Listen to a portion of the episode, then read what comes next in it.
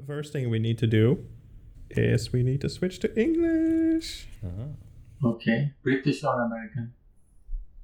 Simplified or uh, Aluminum or aluminium? goodness. Okay, so let's just begin.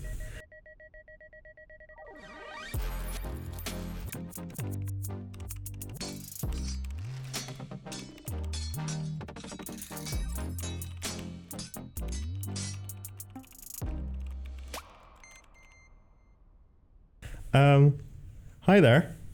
My name Hi is there. Peter, Hi, Peter. and your name I'm is Uh, my name is Johan. Thank you. Johan, Oh. and we have. I'm Robin I think we here. should. Re- I think we should redo that and actually go in a circle. and Yeah, talk. yeah, we we should, we should do. Okay, so I have number one, Johan has number two, and Robin has number three. Okay. Okay. Wow, this is this is perfect B-roll, by the way, for uh, before the before the episode. Just mentioning this. Cool. Hi there. My name is Peter, And I'm Johan. And I'm Robin. and we are three software developers that work for Knightec, and then we're working for business unit DWire. In the coming few weeks, months, whatever, I don't know. We'll see. We'll uh, share with you uh, what we're working on, what's happening, and uh, all the adventures that we get into. So yeah. With that said, where do we really start? Sounds like 1865. good. 1865. No, what? Johan, what have you been working on? Uh, I have mainly in the last year, I would say, uh, been working a lot in uh, data engineering and data science. Um, I've uh, two uh, two different customers I'm working for, and uh, I would say one is within the energy uh, energy monitoring sector, and the other one is within automated agriculture. So uh, yeah, I'm um, neck deep into uh, high frequency data and uh, looking at possibilities of using it. So that's uh, that's what my life is all about now. What have you been working with, Peter? Ooh, I am a front-end developer mostly at th- these days. Uh, in the last two years, wow, it's so long.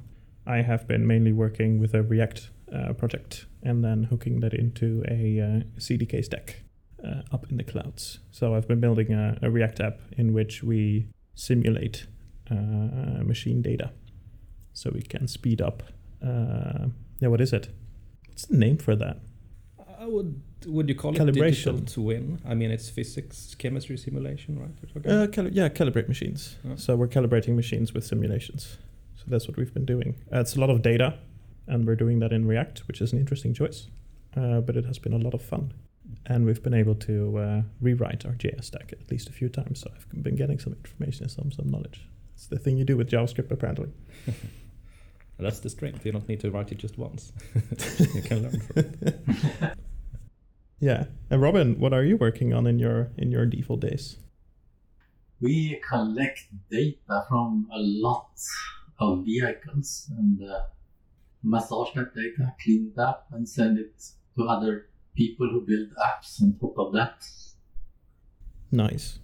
It's hundreds of thousands of vehicles. Oh, cool. What's your programming language, or what's your uh, what's your angle?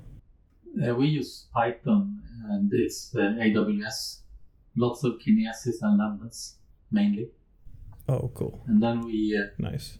we use uh, Athena for performing SQL quest- queries against the data to do support mainly.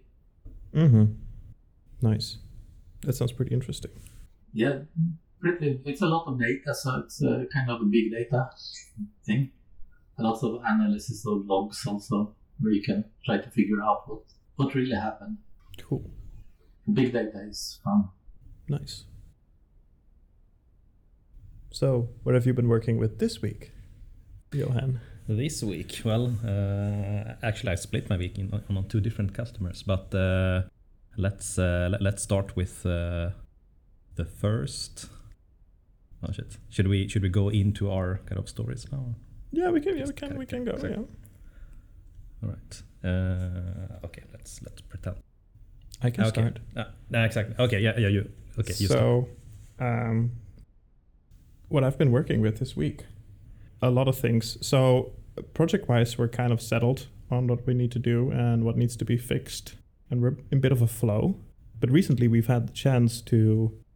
So, let, let's let's back up here. So we initially started our project a few years ago, and when we did, we created a project that ran on uh, React, just React Vanilla, without all the the Next.js and, uh, and uh, that kind of stuff running behind it.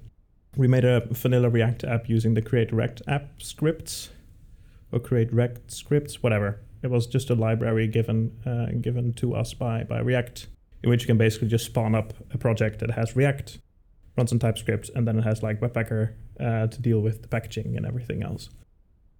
And then we threw a whole lot of stuff on top of that, like you do, like a test engine, uh, testing framework, something else notable. Yeah, mostly that, and then your your uh, usual list of like mocks and stuff. And that ran quite nicely, but we've noticed that the create React app scripts have been partially abandoned by React. So like newer versions of React aren't really coming, Webpack updates aren't really coming, and a lot of stuff had just halted. So a few weeks ago, I made the decision we should probably move away from using this Webpack construction. And I'd been looking in the direction of Vite uh, with React for a while. Vite, of course, works much better if you use like their their intended platforms, of course. But there was a React and TypeScript uh, template, so I basically just booted it up, moved the entire app folder from our uh, from our project into the new one, and then moved all the the test scripts over because the test scripts in Vite run on Vitest uh, because you if you write test in TypeScript, you need to compile that down to JavaScript and then it needs to be tested.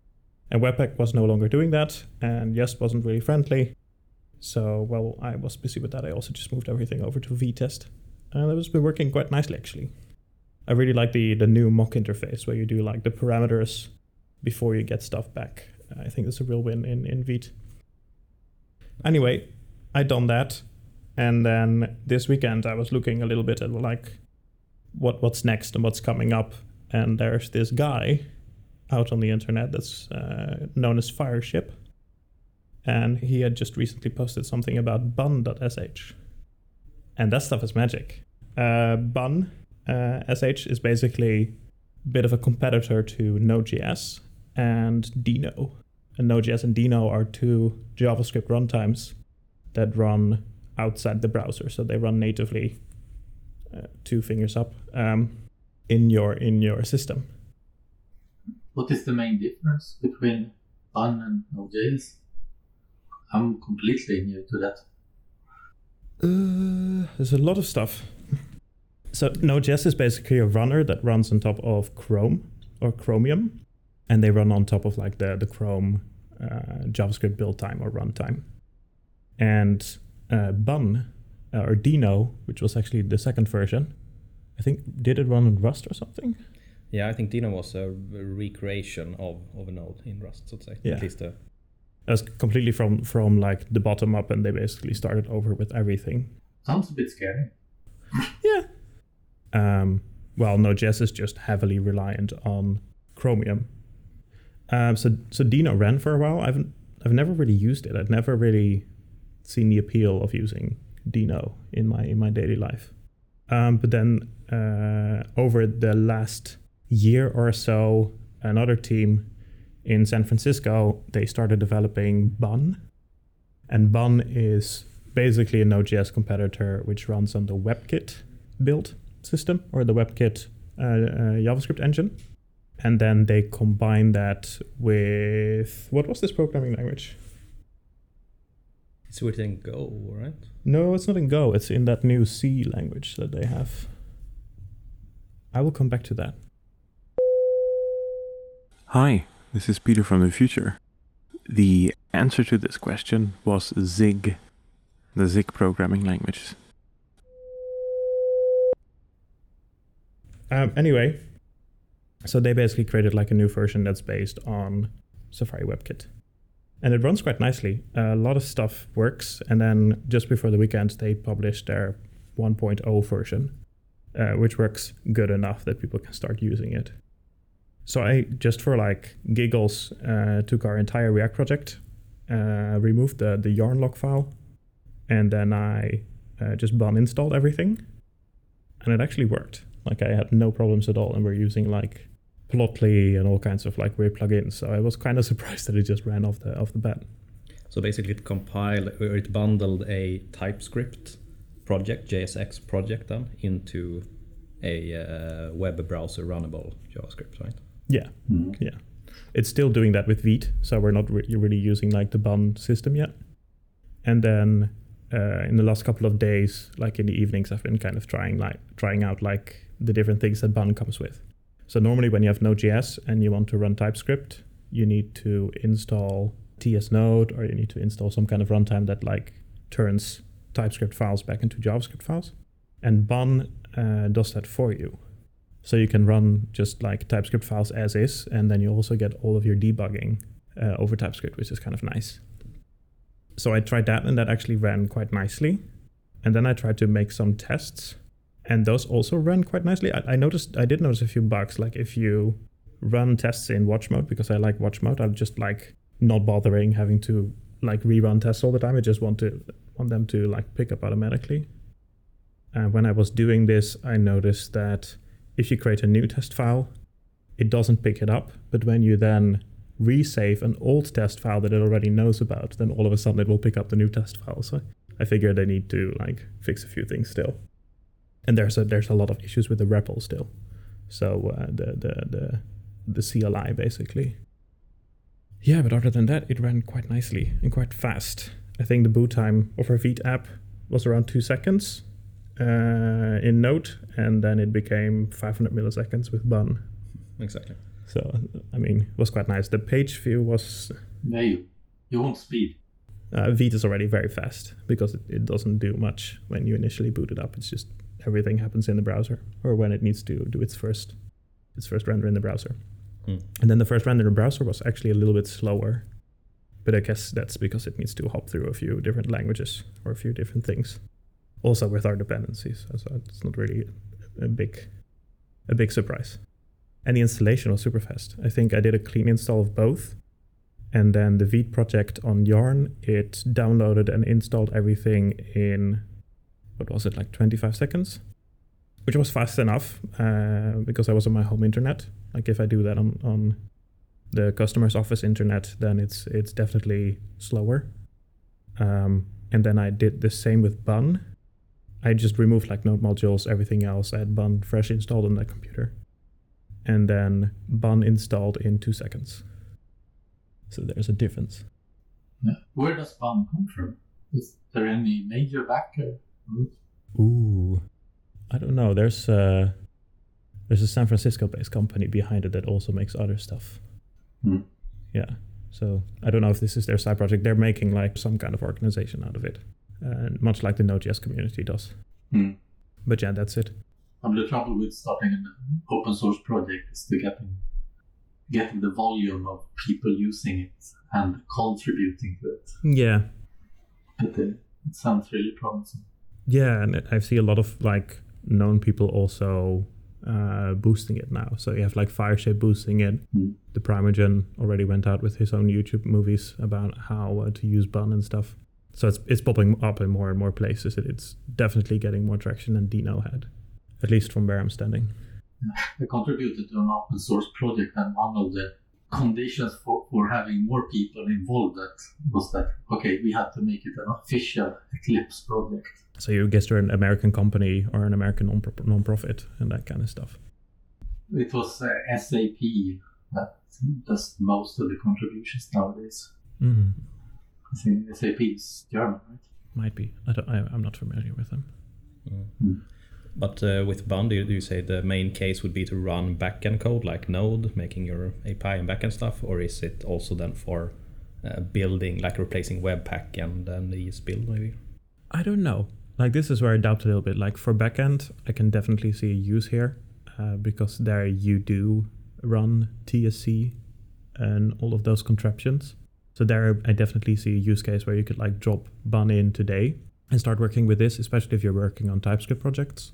But when it comes to front end, I mean, uh, what is this called? Um, Vercel stuff has its own like build system. They they don't even have normal JavaScript files. They have like these HTML like JavaScript files. Svelte, that's what I'm after. they have like these script tags, and then you have like your HTML tags, your style tags that they then blend together into a single app, and that already has its own build system. Then you have uh, Next.js, which runs on top of TurboPack, so you can't really run away from that one.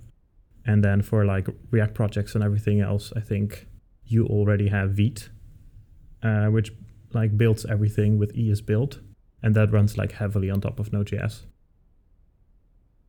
So I use actually you used Bun to run uh, ESBuild and everything else, and it, it did a good job. I, I didn't notice any problems.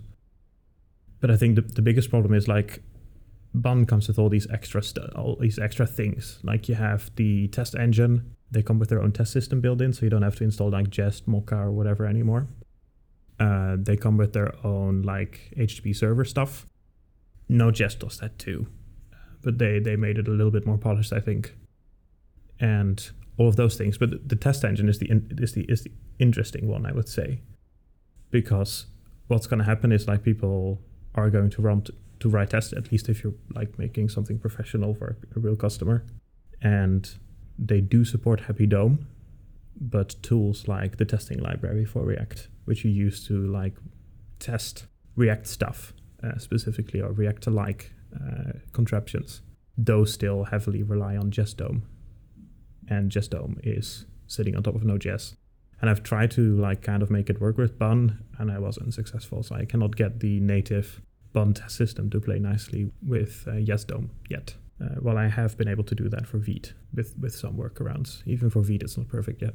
So yeah, I think that's that's going to be a little or a very big prerequisite that like some of like these these HTML tools like testing library and that kind of stuff need to become compatible natively with with Bun for me to be able to use this professionally. Because just using Happy DOM and testing with Happy DOM, I don't see that happening anytime soon. I want to be able to re-render components and that kind of stuff. It's still a, a plausible contender then to to come in and, and replace a bit of, of the build pipeline. Yeah, at least for the backend. I, I could definitely see this on the backend. Mm. They also tried this on AWS and they noticed that Bun was faster, but then Node.js you they come as like pre-installed, so you don't have to like uh, pay for like boot times or like install times. I don't know how that's called. Cold Cold start. cold start times uh, in Node.js because they already have like an environment run- running for you. And if you make your Bun environment, then you, you need to do like those cold starts uh, with a, with a specific environment. They did notice that it was uh, significantly faster though. Like in, in benchmarks, Bun is taking uh, is taking a sprint on uh, on Node.js. Yeah, but that's also your problem then. Like if you write software for Bun, you put it up in serverless or something, and serverless is gonna run everything in Node.js anyway. Then all of those like Bun APIs are gonna be like lost. Mm. But you can actually make your own custom runtimes in Lambda, so you can kind of upload a kind of Docker image. Which but then you the pay runtime. more, right? Uh, good question. Then you have like your cold starts and everything else because it needs to boot up those environments. Hmm. Yeah, interesting. Yeah. Maybe, yeah, I'm not, not sure. Maybe you can snapshot that because you can make your own, maybe a, a different separate layer. Mm-hmm. But I'm on deep waters here. The plot thickens. exactly. to, to be continued. But yeah, that's that's kind of my week and the things that I've been working on this week. Yeah. Um, what about you? Yeah, you uh, you asked me to to come record a podcast here, so I, I've been uh, neck deep in uh, in uh, data analytics and and uh, data science. So I I was uh, trying to think back of a of a story from my uh, from the first time I kind of started with uh, high frequency uh, data exploration. Uh, and I remember uh, when the when the when I was asking like in the kind of in the interview, so to say, with the customer, I was like, okay, but by the way, how many data points are we talking about? Like, what's the what's the collection rate from the from the edge devices? Every other second or twice per second, or what we're talking? They were like, no, it's uh, it's ten. I'm like, okay, ten. And then like kilohertz, and I was like, wait, what? Kilohertz? but I, I never I never heard anyone mention kilohertz in, in the in the rate of like sampling in for an um, uh, into a data lake. So so uh, so that was the first like oh wow that's uh, that's uh, that's a lot of data points per second. Like how how could you even how could that even be useful? Like uh, does things change so quickly that you need that kind of resolution? So that's that's the first time I kind of had an aha moment going into from normal data rates and you know some files here and there, some XML here and there, but uh, into a high frequency uh, domain, so to say. So talking about like terabytes and uh, and large scale um, granular recordings. How how long are those recordings running? Uh, these are you can think of it uh, a little bit as a black box, which are designed to trigger every now and then. So it's not necessarily all the time. Uh, things are obviously happening all the time, but um, the, the, the specific things I'm looking into, then it's you know uh, some uh, a few times per, per hour maybe. Then it starts to go into this uh, high uh, high frequency mode, and those are the, are the things I'm I'm looking into. Okay, so you, you basically keep some part of your records, but after a while you start rotating stuff out, or And so all uh, all the data is collected. So, so now we need to uh, differentiate between the edge, what's happening on the edge and in the controller system, and what's happening in the lake. And I'm, I'm mainly in the lake doing doing the analytics stuff. So so out on the in the actual uh, let's call them factories or, or machines or these kind of places where, where things are happening. There obviously this data is being processed all the time because it's uh, doing important things. But uh, from my point of view, I'm, uh, we're only capturing quite often, every now and then, we're capturing these uh, high frequency uh, recordings. So again, a little bit as a black box to to uh, to look into these when specific events are happening. Uh, when you asked me about this podcast, I was thinking about the, thinking back a bit on the the story when I first kind of got into the into the high frequency domain, so to say. Uh, normally, from Edge system, you kind of collect, you know, every few seconds or uh, a couple of times per second, maybe you collect data just to look at the, the state of things um, and um, having a long history of, of time. Uh, but uh, but in this case, we're, we're really using this uh, high frequency data to to kind of see how this um, energy system is uh, is behaving. So it's a kind of a, a large uh, large complicated structure with, with a lot of uh, power uh, being passed around and along uh, wires. And I, when we started looking into this data, we realized like when you collect so much information compared to what's what's happening, it's it's kind of comparable to a scene uh, from a movie a long time ago. It's called Daredevil. It's like this blind guy who is walking around, and then all of a sudden it starts raining, and he realizes he can like hear the raindrops, and from those raindrops he can kind of see the world around him. So uh, so when you start looking into this high frequency data, all of a sudden you can kind of see how these uh, power shifts are going from from this big container out to the wire, and it's going across the the um, uh, a long distance along the uh, ocean floor. It kind of bounces on the other side, and then it comes back again as a as, as a wave. Uh, of, uh, uh, and then you know it comes in again into the system a few uh, milliseconds later and so on. So you're kind of at the resolution of how uh, the speed of electricity or, or kind of the almost like the speed of light going going across long cables. So uh, it's, uh, it's it's very interesting to to look into it because uh, it's it's um, it's a time scale we're not used to looking into as uh, as humans basically. And it's a lot of data. Like, are you putting everything in a database, or like plopping everything into some bucket or something? Uh, yeah, I mean that, that's when you get the difference between a, a database and a data lake because a data lake is you're, you're talking about terabytes upon terabytes of, of data. Uh, so you you have to really uh, you know design it and say how, how do we ingest it, how do we store it. You start talking about uh, partition Parquet files and Spark clusters, and uh, as Robin mentioned before, you can take like Athena or Data Explorer and these kind of different tools to start um, looking at parts of the data and visualizing and mainly enriching it, which is uh, kind of something that most most people I talk to don't really uh, think too much about. But I think it's the kind of the most important part of it. Actually, going through that data, making aggregations, and calculations, and you know, looking at the FFTs and the derivatives and stuff like that, and really making new data sets based from the original one. Hmm. Yes, mainly it's uh, data mining. You really collect a lot of data, but you really don't know exactly what you want. You just know that there will be a lot of interesting stuff in it. Exactly. Yeah, it's it's uh, it's an old uh, uh, phrasing, data mining, but it it actually tells a lot of the story of enrichment. Because mining, obviously, mining for gold in a big uh, mountain of rock, uh, that's really that's really a good analogy for for uh, for the kind of enrichment you're doing with the data. Because it's it's um, it's it's very strange, or you know, it's a it's a good um, it's not good to think about data as you just pass it straight into machine learning models or you pass it straight into visualization uh, applications, but instead you should uh, really think long and hard about enrichment, and that goes on multiple levels. So once you have enriched it once, you get more information about it, and then you can start enriching even more from that, and then uh, look back into the raw um, raw data on specific uh, time slices with you uh, with that information. So uh, working with enrichment and uh, and these kind of big systems that handle large amount of data and, and high frequency uh, is yeah it's, it's very interesting and I guess it kind of the most of the interest comes from the fact that you're looking at the time scale that's really doesn't exist in in, in our normal in our normal lives uh, and that goes both ways. Maybe both looking at 10 years of data is very interesting, but also looking at uh, really, really uh, high frequency data is kind of the same thing.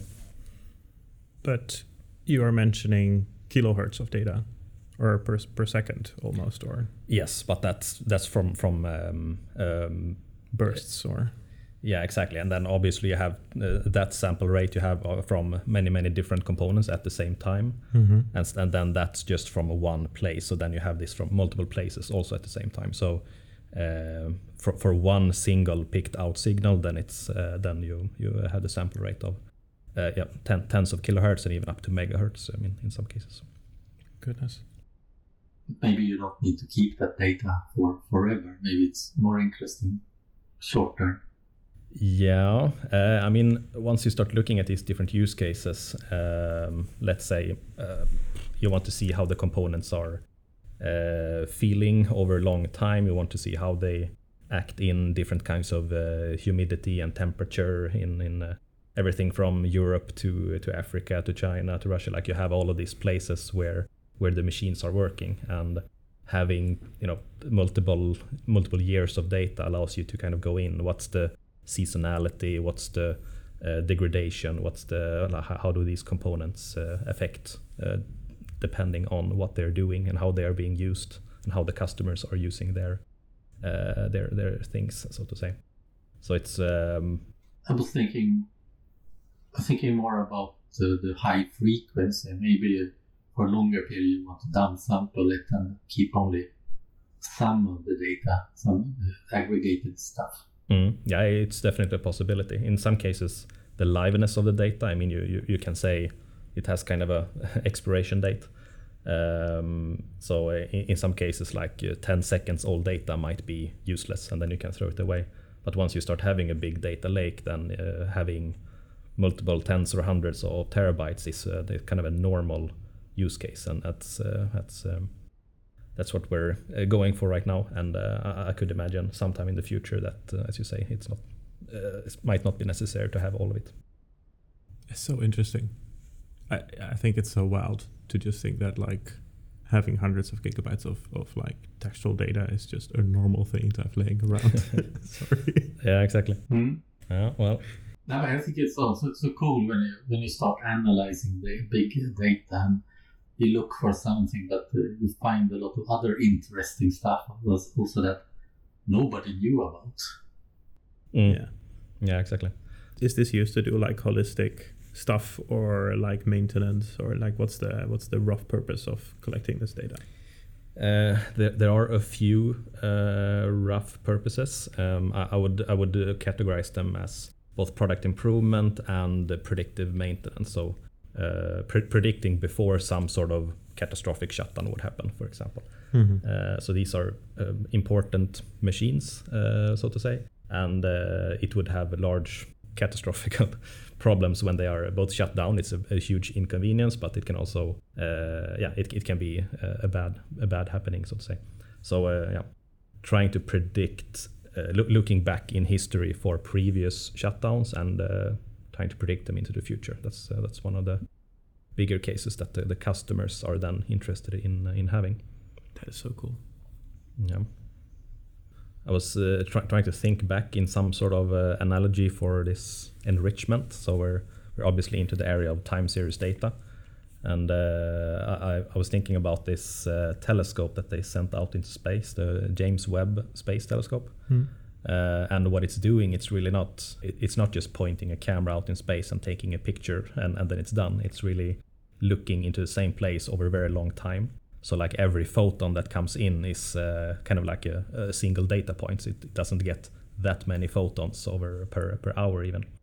So it's just really collecting them over a long time. So when you start thinking about data enrichment, you should, you should kind of think about this example that you're collecting multiple photons over a month and then looking at their frequency, their amplitude, and, and looking at how are the frequency shifting, how is the amplitude going up and down, and then from that you can see what are the planetary transitions around the star, for example.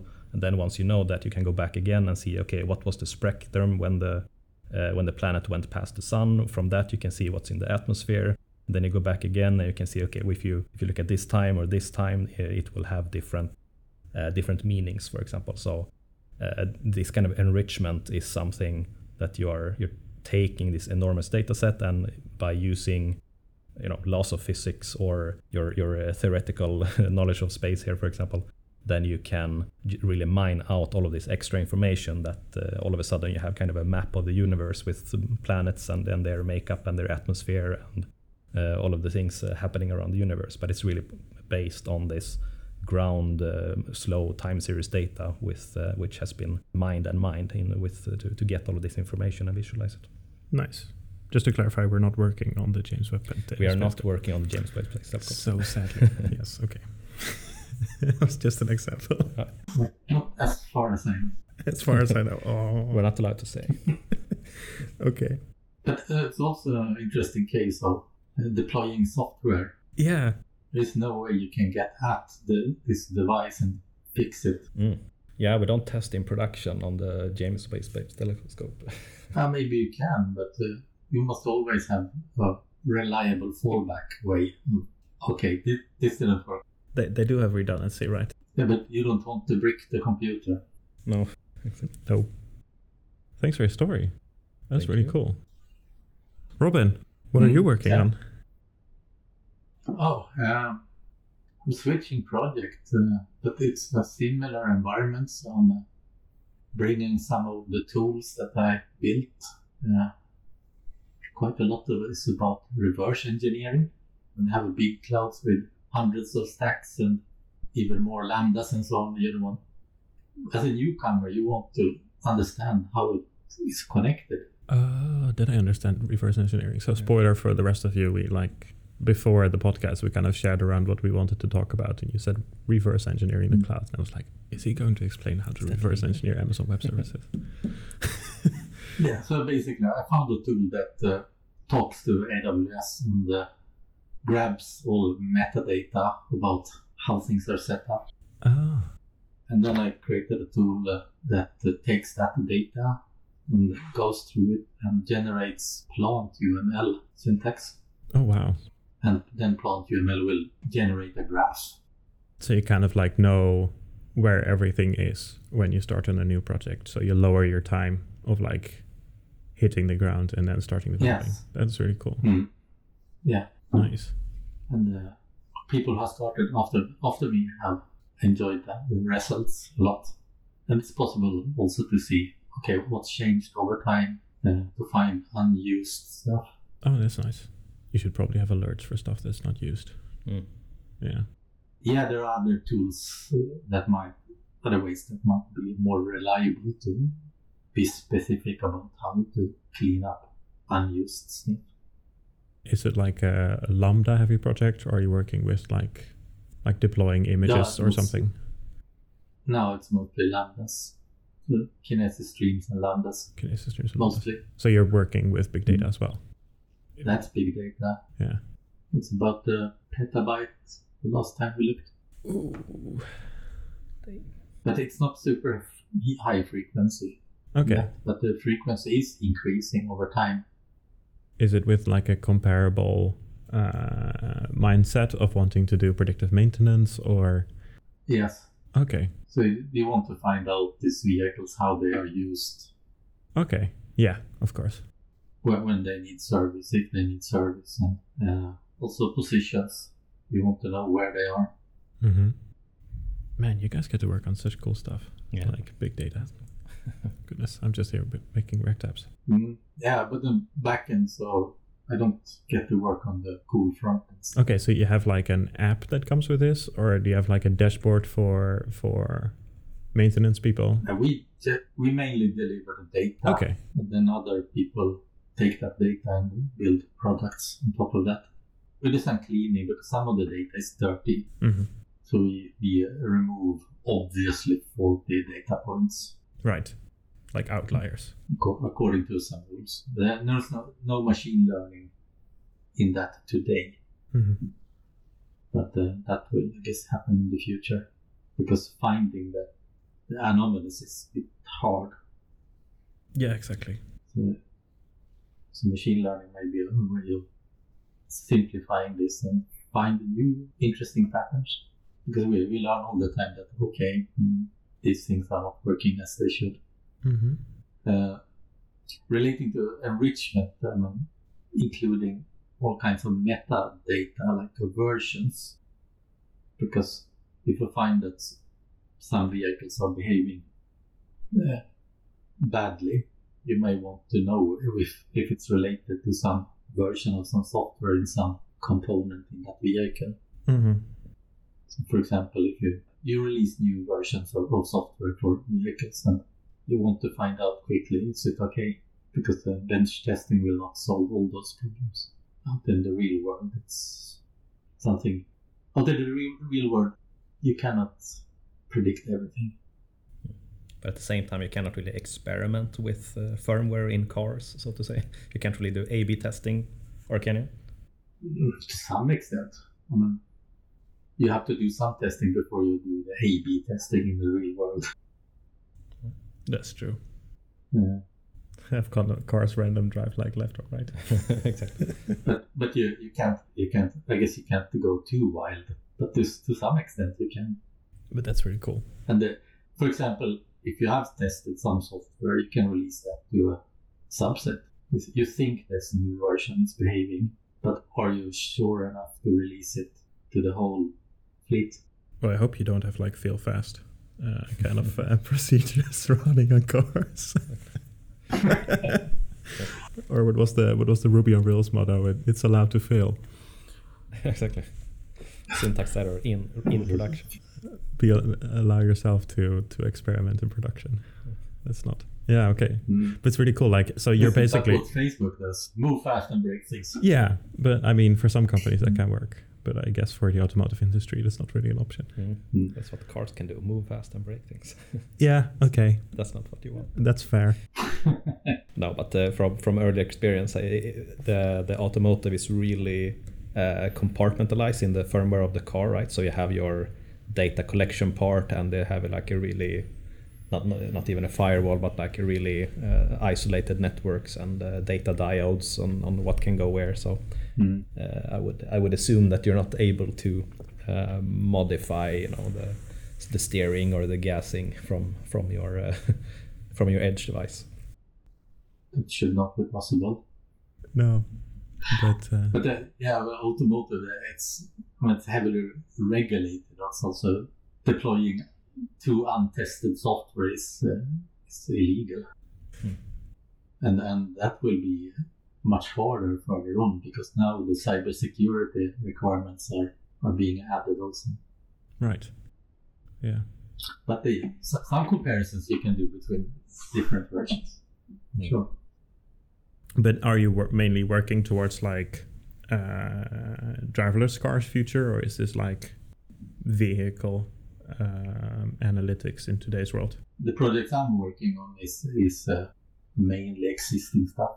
Okay, So it's uh, it's real real customers, not just test vehicles. that's really neat. Cool. Do you have anything else to add, or uh, shall we make a wrap? Can make a wrap. It was an interesting experiment to get this pod going. and to get the microphones working everywhere. Exactly. Yeah, but I, I, I do like the initiative too. yeah. Mm. Uh, we'll see. We'll see how it goes. Mm. Yeah, I guess we can ask people to come up with topics. Absolutely. I just noticed when I registered our podcast for uh, Spotify that uh, people can now also do like Q and A's while they're listening to the podcast. Okay. So uh, I cannot promise that we will look at those, but if you have questions, just ask them there, I guess. but uh, everyone, thank you for joining. Thanks, uh, Robin, for joining in from Stockholm. Thanks, uh, Johan, for sitting here with me. Thank you. Uh, Thanks for having me. Thank you. Yeah, and thank you for listening. If you uh, want to know more, then please visit knightec.se. And if you uh, want to listen to more podcasts, then just uh, wait for the next one, I guess. Okay. Cheers. Bye. Bye. Now we need the, the, the teams like doom doom. Uh,